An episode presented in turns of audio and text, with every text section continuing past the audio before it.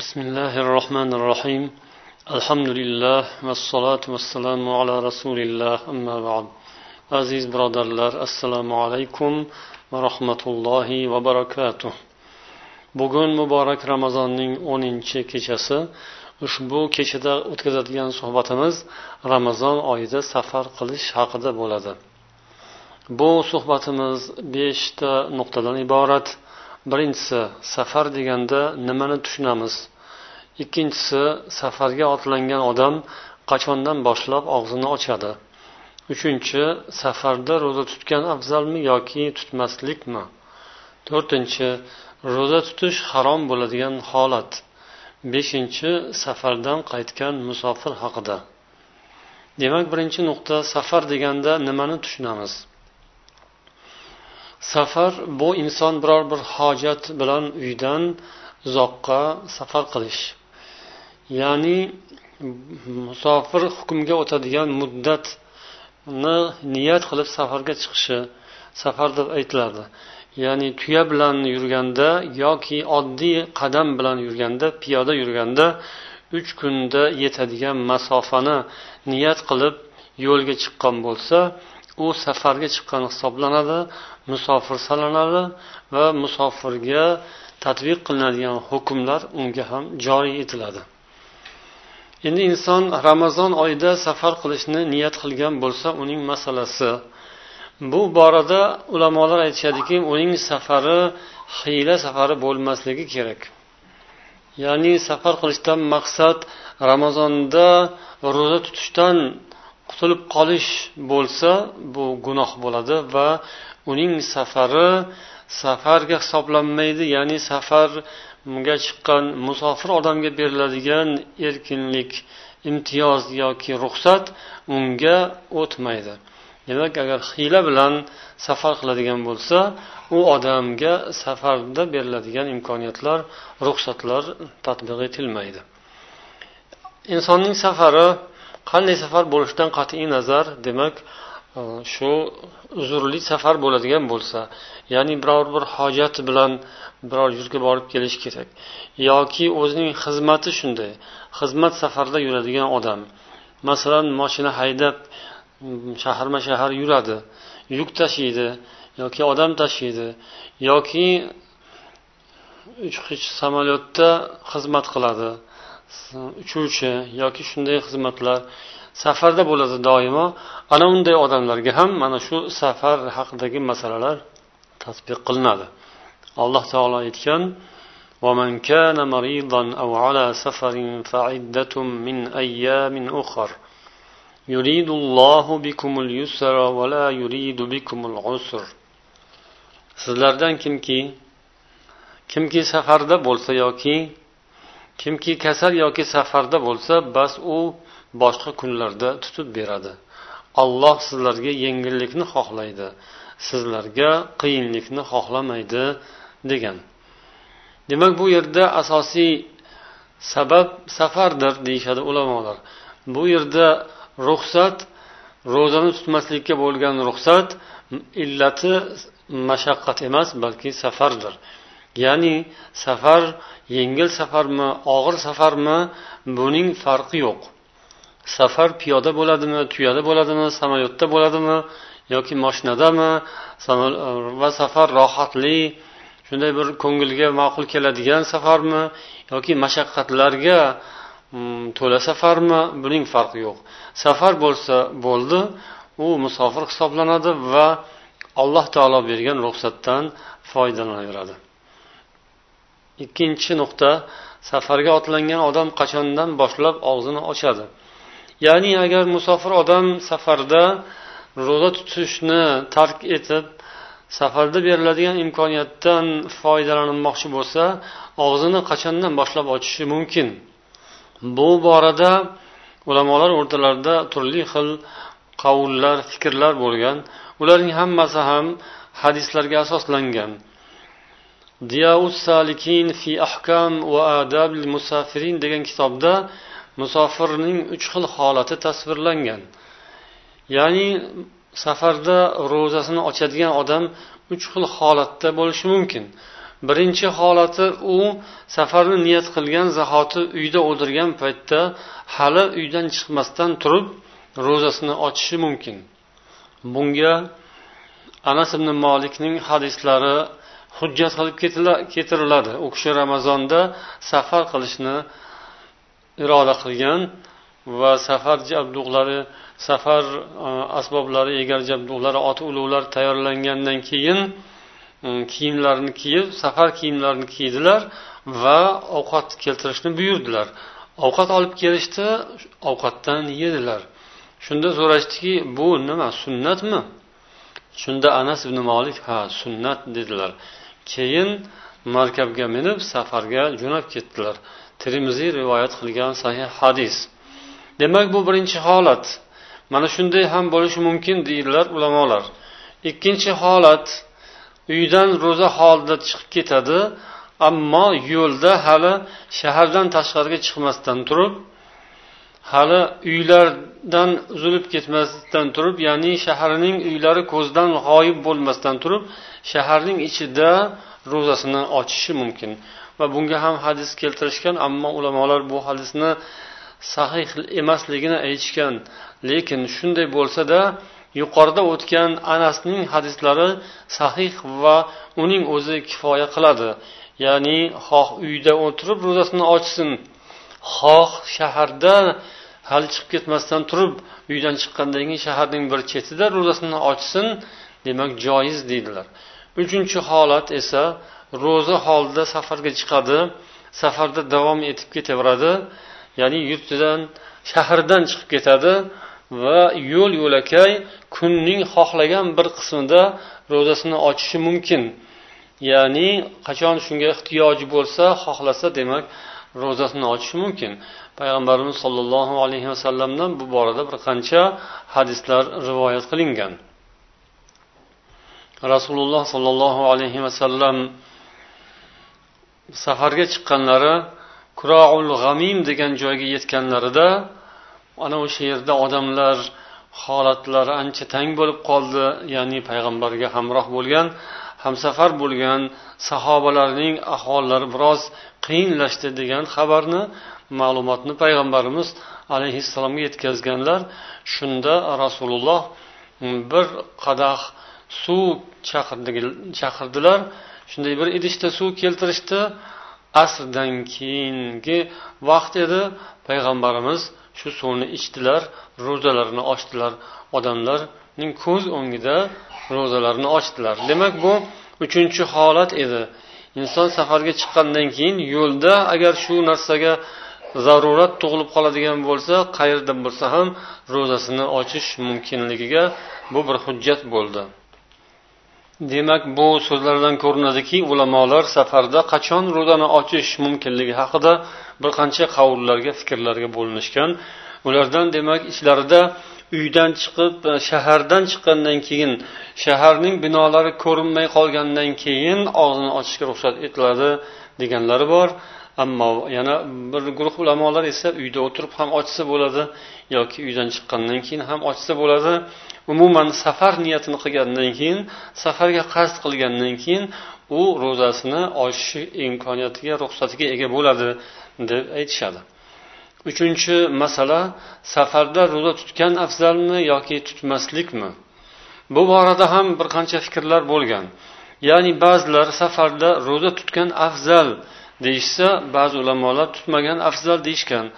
Ba'zilar esa qaysinisi qulay bo'lsa o'shani qilgan afzal deyishadi. Safarda ro'za tutgan afzal deydigan ulamolarning so'zlariga quloq solamiz. Hidoya kitobining sharhida aytiladi ramazon vaqtida ro'zani tutgan afzaldir chunki bu payt eng afzal eng qulay va e, savobli payt bo'ladi. Shuning uchun mana shu holatda mana shu kunlarda ramazonning savobini ham qo'lga kiritgan afzal shunga harakat qilgan avlodir.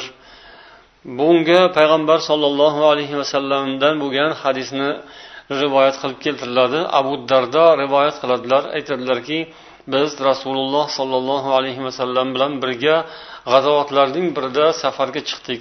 Juda ham qattiq issiq edi. Ana shu paytda biz issiqdan to'sish uchun boshimizni qo'limizga qo'yib olardik. Shunda oramizda faqat rasululloh sollallohu alayhi vasallam bilan abdulloh ibn ravoha ro'zador edilar xolos deydilar. Buxoriy va muslim rivoyatlari. Demak bu yerda payg'ambar alayhissalom afzal yo'lni tutgan bo'ladilar.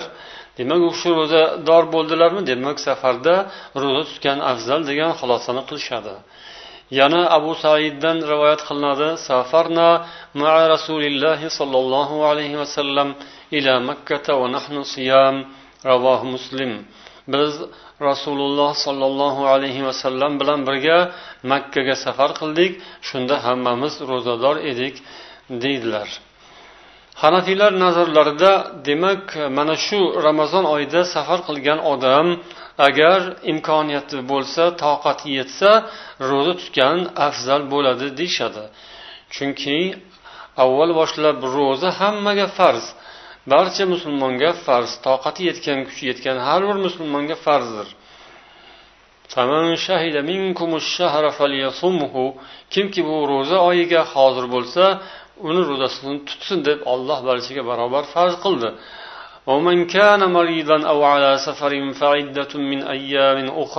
Kimki kasal bo'lsa yoki safarda bo'lsa bas boshqa kunlarda tutib bersin degan so'zlar bilan esa ruxsat berdi.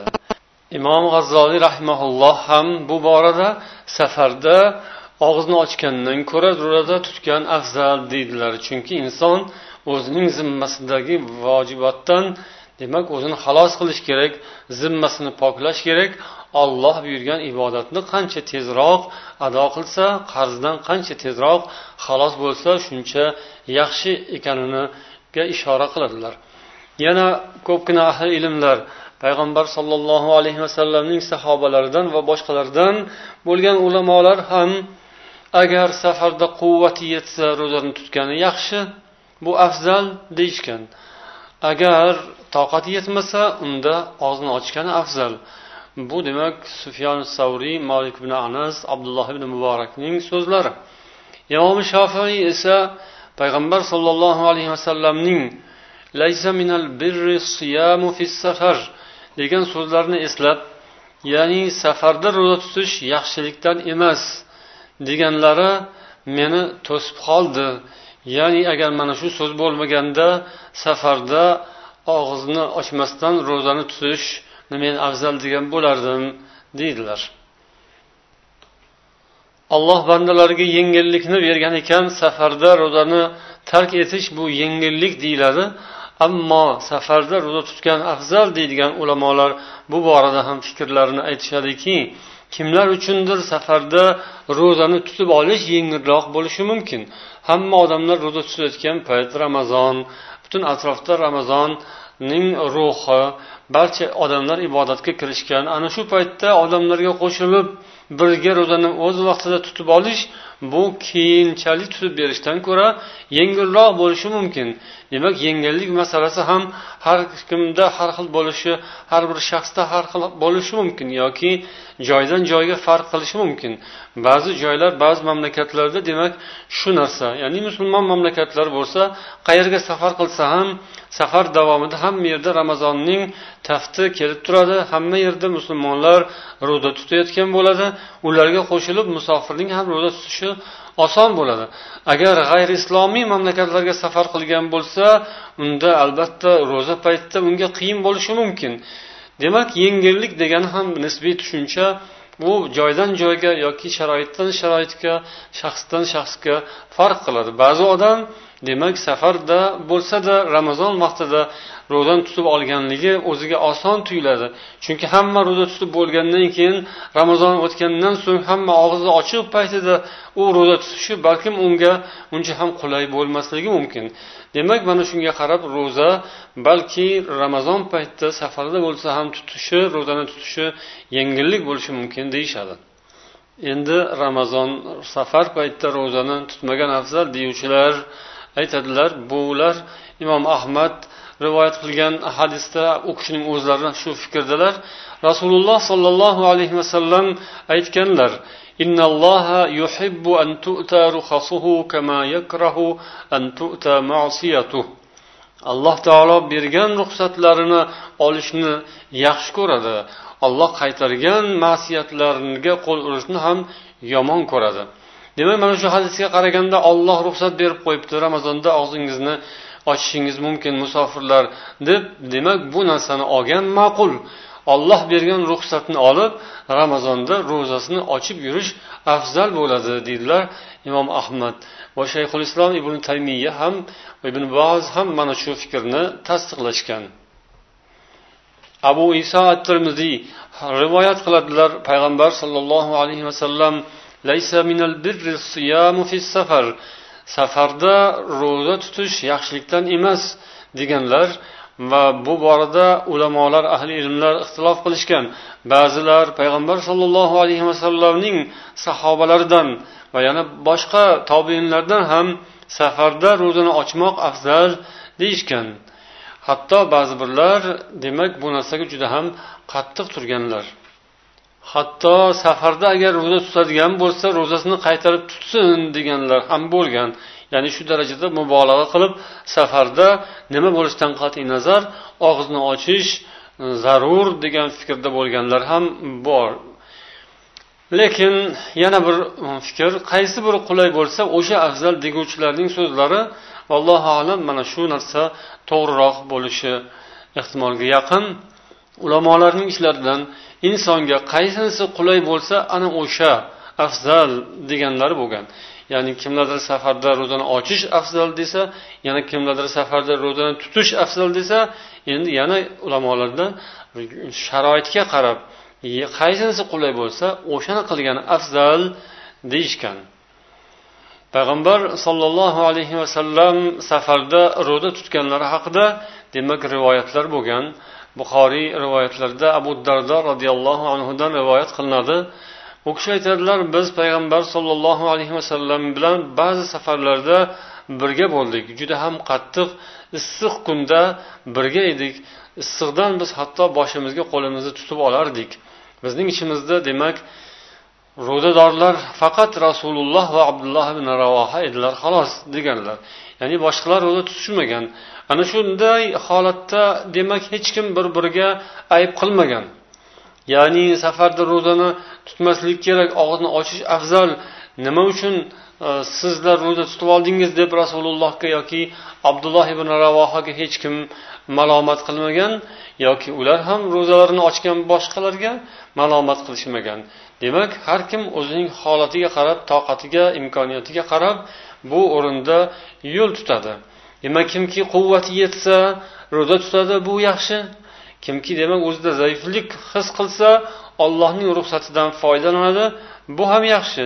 Demak shunday qilib sharoitga qarab holatga qarab har bir inson o'ziga o'zi yo'l tanlashi mumkin. Abu dovud rivoyat qilgan hadisda hamzat ibn amr al aslamiy payg'ambar sollallohu alayhi vasallamga dedi يا رسول الله إني صاحب ظهر أعالجه أسافر عليه وأكريه وإنه ربما صادفني هذا الشهر. وأنا أجد القوة وأنا شاب فأجد بأن الصوم بأن الصوم يا رسول الله أهون علي من أن أؤخره فيكون دينا علي. أفأصوم يا رسول الله؟ Haligi inson ya'ni hamdod ibn amr al aslamiy rasulullohga dedilar yo rasululloh men bir markab egasiman. Man mana shu markabim bilan safar qilaman kira qilaman shu bilan tirikchilik qilaman. Gohida mana bu oy ya'ni ramazon to'g'ri kelib qoladi. Man o'zimda shunga quvvatim yetarli deb his qilaman. Man yoshman. Men shu ramazon ro'zasini bemalol tuta olaman. Menga bu og'irligi yo'q.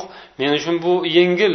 Buni men keyinchalik orqaga surib ramazondan boshqa oyda tutib berganimdan ko'ra hozir tutganim afzal. Mening zimmamga bu qarz bo'lib qolganidan ko'ra hozir tutib olganim menga yaxshiroq to'g'riroq keladi. Yo rasululloh men shu ro'zani hozir tutsam savobim ko'p bo'ladimi yoki man ro'zamni ochishim kerakmi? Deb so'ragan. Shunda payg'ambar sollallohu alayhi vasallam ya hamza? dedilar. Ya'ni qaysi birini xohlasang o'shani qilasan. Ey hamza deb javob berdilar.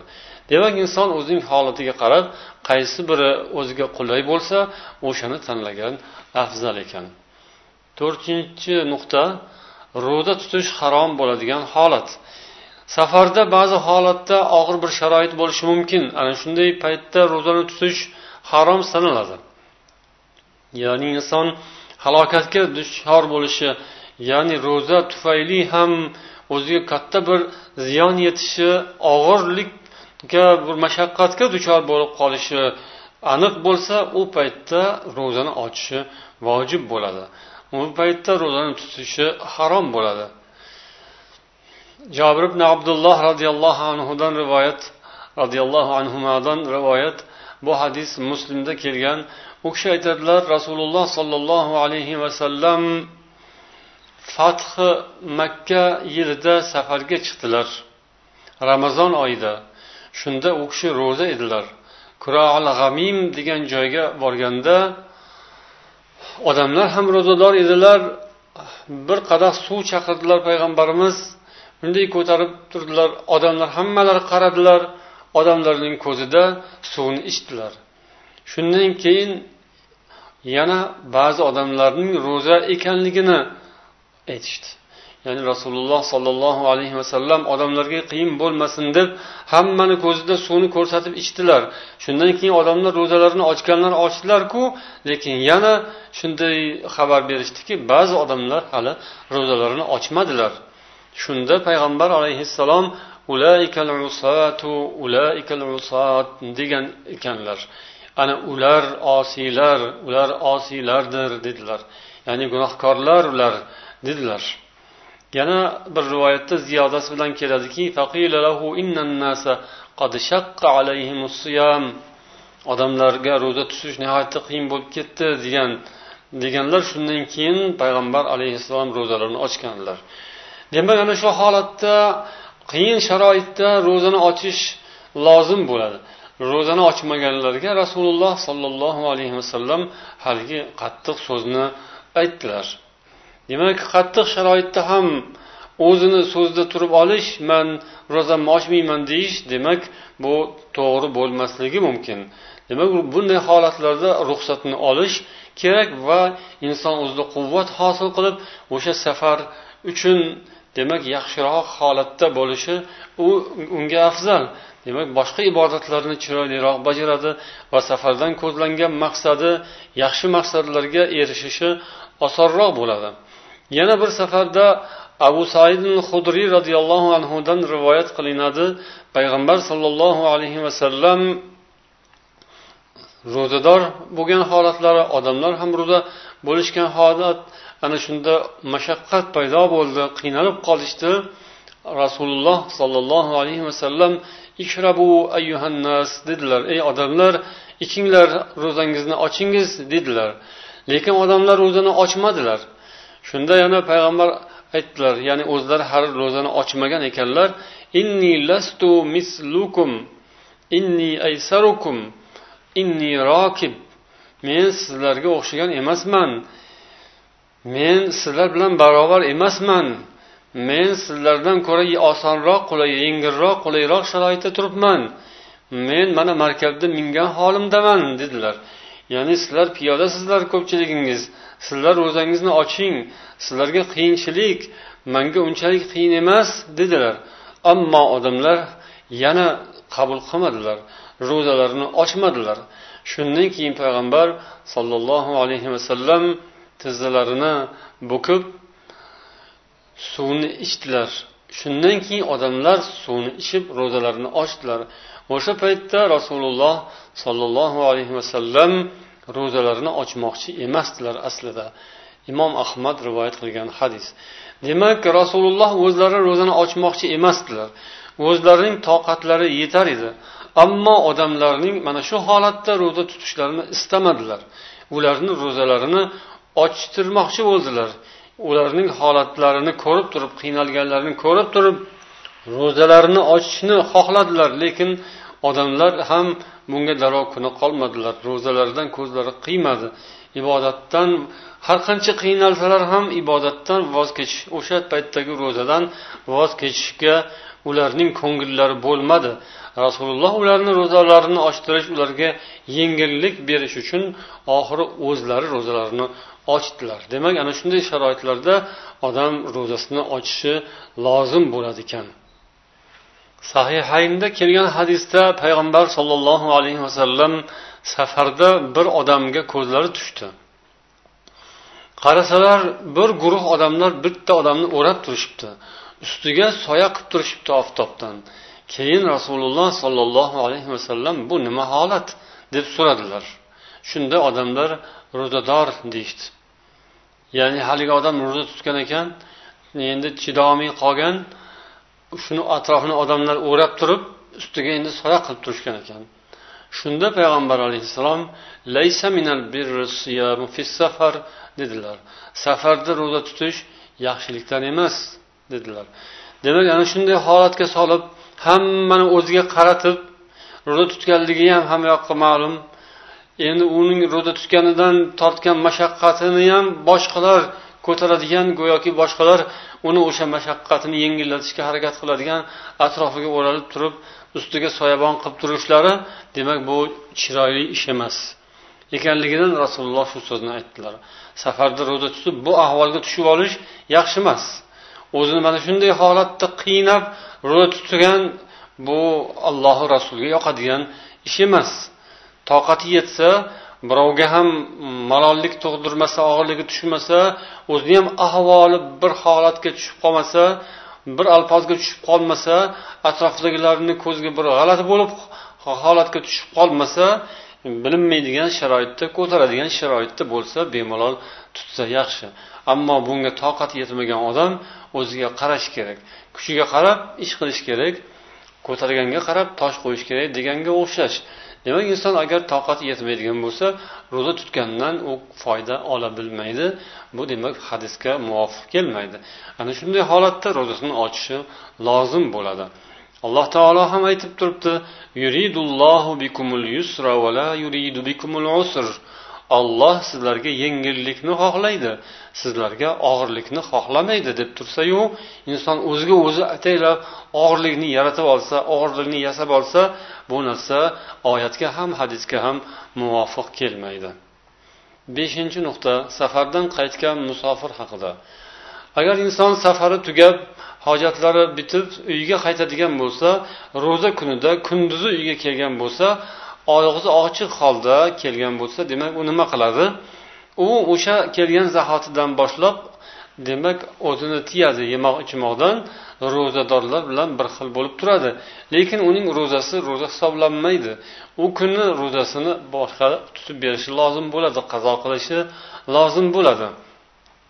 Lekin hanafiy ulamolar mana shu kunning hurmatini saqlash uchun ro'za kunning hurmatini saqlash uchun u o'zini tiyishi lozim keyin qazo qiladi deydilar. Yana bir guruh ulamolar esa aytishadiki bundan foyda yo'q. Ya'ni u odam o'zini o'zi tiyib ushlab turgandan foydasi yo'q. U baribir bu kunning ro'zasini tutib berishi kerak edi. U ertalabdan tutmadi endi bu yondan bu yog'ida o'zini ushlab turganning foydasi yo'q deyishgan. Abdulloh ibn masuddan rivoyat qilishgan kimki ramazon kunning birinchi yarmida oldinida yegan bo'lsa endi u oxirida ham yeyversin. U demak e, uzr bilan ovqat yeyish halol bo'ladigan bo'lsa unga ziyoni yo'q u yesa bo'laveradi. Deydilar bu molik va shofiiy mazhablarda ham mana shu fikrni aytishgan. Imom ahmaddan ham bir rivoyatda mana shunday deyishgan. Lekin ulamolar aytishadiki agar u ovqat yemoqchi bo'lsa ham e'lon qilmaydi. ya'ni hammaga ko'rsatib oshkoro yeyishi kerak emas balkim yashirin holda yeyishi kerak. Toki boshqalar bundan ibrat olmasin johillar nodonlar buni o'ziga hujjat qilib olmasin yoki ramazonning hurmatiga bu narsa aks bo'lib tushmasin uchun demak ovqat yemoqchi bo'lsa ham yashirin holda hech kimga ko'rsatmasdan yeyishi lozim ekanligini aytishadi. Subhanakallohumma va bihamdik أشهد أن لا إله إلا أنت أستغفرك وأتوب إليك. والسلام عليكم ورحمة الله وبركاته.